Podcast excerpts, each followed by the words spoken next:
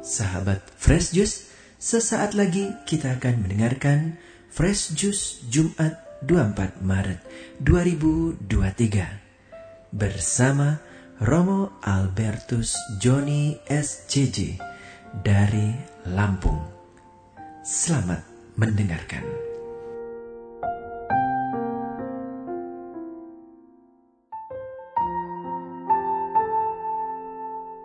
Sahabat Daily Fresh Juice yang diberkati Tuhan, salam Fresh Juice. Hari ini 24 Maret 2023, saya Romo Albertus Joni SCY mengundangmu untuk masuk mereguk kesegaran sabda Tuhan yang menghidupkan.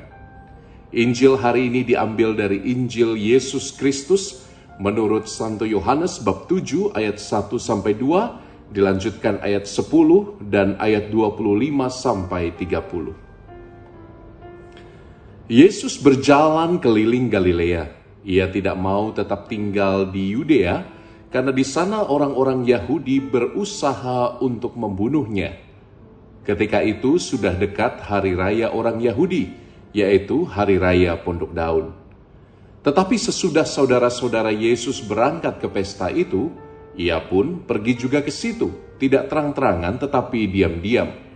Beberapa orang Yerusalem berkata, bukankah dia ini yang mau mereka bunuh? Dan lihatlah, ia berbicara dengan leluasa dan mereka tidak mengatakan apa-apa kepadanya. Mungkinkah pemimpin kita benar-benar sudah tahu bahwa ia adalah Kristus? Tetapi tentang orang ini kita tahu dari mana asalnya. Sementara bila mana Kristus datang, tidak seorang pun tahu dari mana asalnya. Waktu Yesus mengajar di bait Allah, ia berseru, Memang aku kamu kenal dan kamu tahu dari mana asalku. Namun aku datang bukan atas kehendakku sendiri, tetapi aku diutus oleh dia yang benar dan tidak kamu kenal. Aku mengenal dia sebab aku datang dari dia dan dialah yang mengutus aku. Mereka berusaha menangkap Yesus tetapi tidak ada seorang pun yang menyentuh dia sebab saatnya belum tiba. Demikianlah Injil Tuhan. Terpujilah Kristus. Sahabat Daily Fresh Juice yang diberkati Tuhan, sekali lagi salam Fresh Juice. Saya sering kali berjumpa dengan orang-orang baru ketika berkunjung ke sebuah tempat atau ketika duduk di tempat umum Biasanya saya akan berusaha menyapa dan memulai pembicaraan. Selalu menjadi tantangan untuk meyakinkan orang bahwa saya sungguh-sungguh pastor. Karena mungkin wajah saya lebih layak kelihatan seperti seorang sales asuransi daripada seorang imam dalam gereja Katolik. Saudari-saudaraku yang diberkati Tuhan, ada kalanya kalau saya duduk di tempat umum dan mulai berbicara dengan orang-orang, saya akan mengatakan bahwa oh ya saya saya seorang pemilik perusahaan. Dan perusahaan ini adalah perusahaan multinasional tersebar di pelbagai negara dan perusahaan ini bergerak di bidang pendidikan, rumah sakit. Kita punya institusi-institusi pendidikan hebat di seluruh dunia. Juga kita punya rumah sakit-rumah sakit terbaik yang sangat terkenal di seluruh dunia. Belum lagi kita juga memiliki karya karitatif yang luar biasa dan orang yang akan mendengarkan terutama nona-nona yang masih belum mengenal saya. Mungkin matanya akan berbinar, wow saya sedang bicara dengan seorang pengusaha hebat. Lalu dia akan bertanya, perusahaannya apa namanya? Lalu akan saya beritahu dengan senyum lebar, muka tidak berdosa. Nama perusahaannya Gereja Katolik Roma. Sahabat-sahabatku yang diberkati Tuhan, kalau tidak kenal, maka tidak sayang. Itu kata pepatah. Tetapi, kita juga menemukan bahwa dalam Injil hari ini, bahkan orang-orang yang mengenal Yesus pun tidak sayang padanya. Jadi, belum tentu jaminan kalau sudah kenal pasti sayang. Saudari-saudaraku yang diberkati Tuhan, orang-orang sejaman Yesus bergulat untuk mengerti identitas Dia. Dia tahu keluarganya, dia tahu bapak ibunya, bahkan dikatakan dalam bagian Injil yang lain mereka tahu saudara-saudarinya. Bukankah dia ini dari Nazaret? Dia tahu bahwa Yesus itu seseorang dengan latar belakang biasa-biasa saja dan dan itu sebabnya mereka tidak percaya dan mereka tidak bisa mengenali identitas Yesus yang lebih dalam bahwa dia adalah Mesias bahwa dia anak Allah. Jadi identitas dan latar belakang Yesus yang mereka kenal itu menutup mata mereka terhadap semua mujizat yang Yesus sudah buat. Apalagi Injil hari ini ada di bab 7. 7 bab Yesus sudah berbuat aneka mujizat tapi mereka menolak untuk percaya. Karena apa? Karena mereka merasa kenal dengan Yesus. Hati-hati, bias yang sama juga kita bisa alami, teman-teman. Anda yang mendaku diri sebagai umat Kristiani, kadang-kadang dengan begitu bangga bersuara lantang, saya sudah diselamatkan, I am saved. I know Jesus really well. Saya tahu dan saya kenal Yesus, Yesus penyelamat. Tapi apakah Anda sungguh beriman padanya? Kalau Anda sekedar tahu bahwa Yesus itu penyelamat, Anda mungkin tidak ada bedanya dengan beberapa roh jahat dalam kitab suci yang mengatakan, aku tahu siapa engkau. Engkau yang kudus dari Allah. Jangan-jangan kita tidak ada bedanya dengan makhluk bertanduk itu. Kalau kita hanya sekedar kenal dan tahu, tidak ada bedanya kita dengan iblis yang juga kenal identitas Yesus. Maka dalam catatan yang lebih serius, mari kita renungkan pertanyaan ini. Apakah saya sungguh beriman padanya? Apakah pengenalanku akan Yesus membuahkan relasi yang intim? Apakah aku bisa mengandalkan dia dalam setiap perkara hidupku?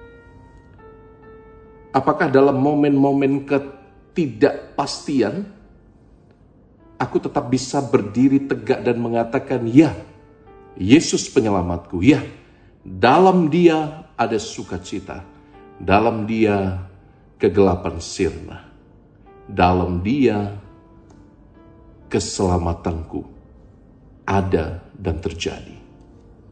Tidak mudah, tidak mudah. Tidak mudah. Jangan-jangan kita hanya mengenal, namun belum mengimani. Tantangan ini juga jadi tantanganku tiap hari. Jangan pikir bahwa kami para imam, para religius itu tidak bergulat dengan itu. Tiap saat saya berdoa, setiap kali menyambut komuni, Tuhan, tambahlah imanku. Tuhan, bantulah aku yang kurang percaya ini. Ada kalanya dalam hidup teman-teman, hidup kita menjadi terombang-ambing oleh badai kehidupan yang begitu ganas.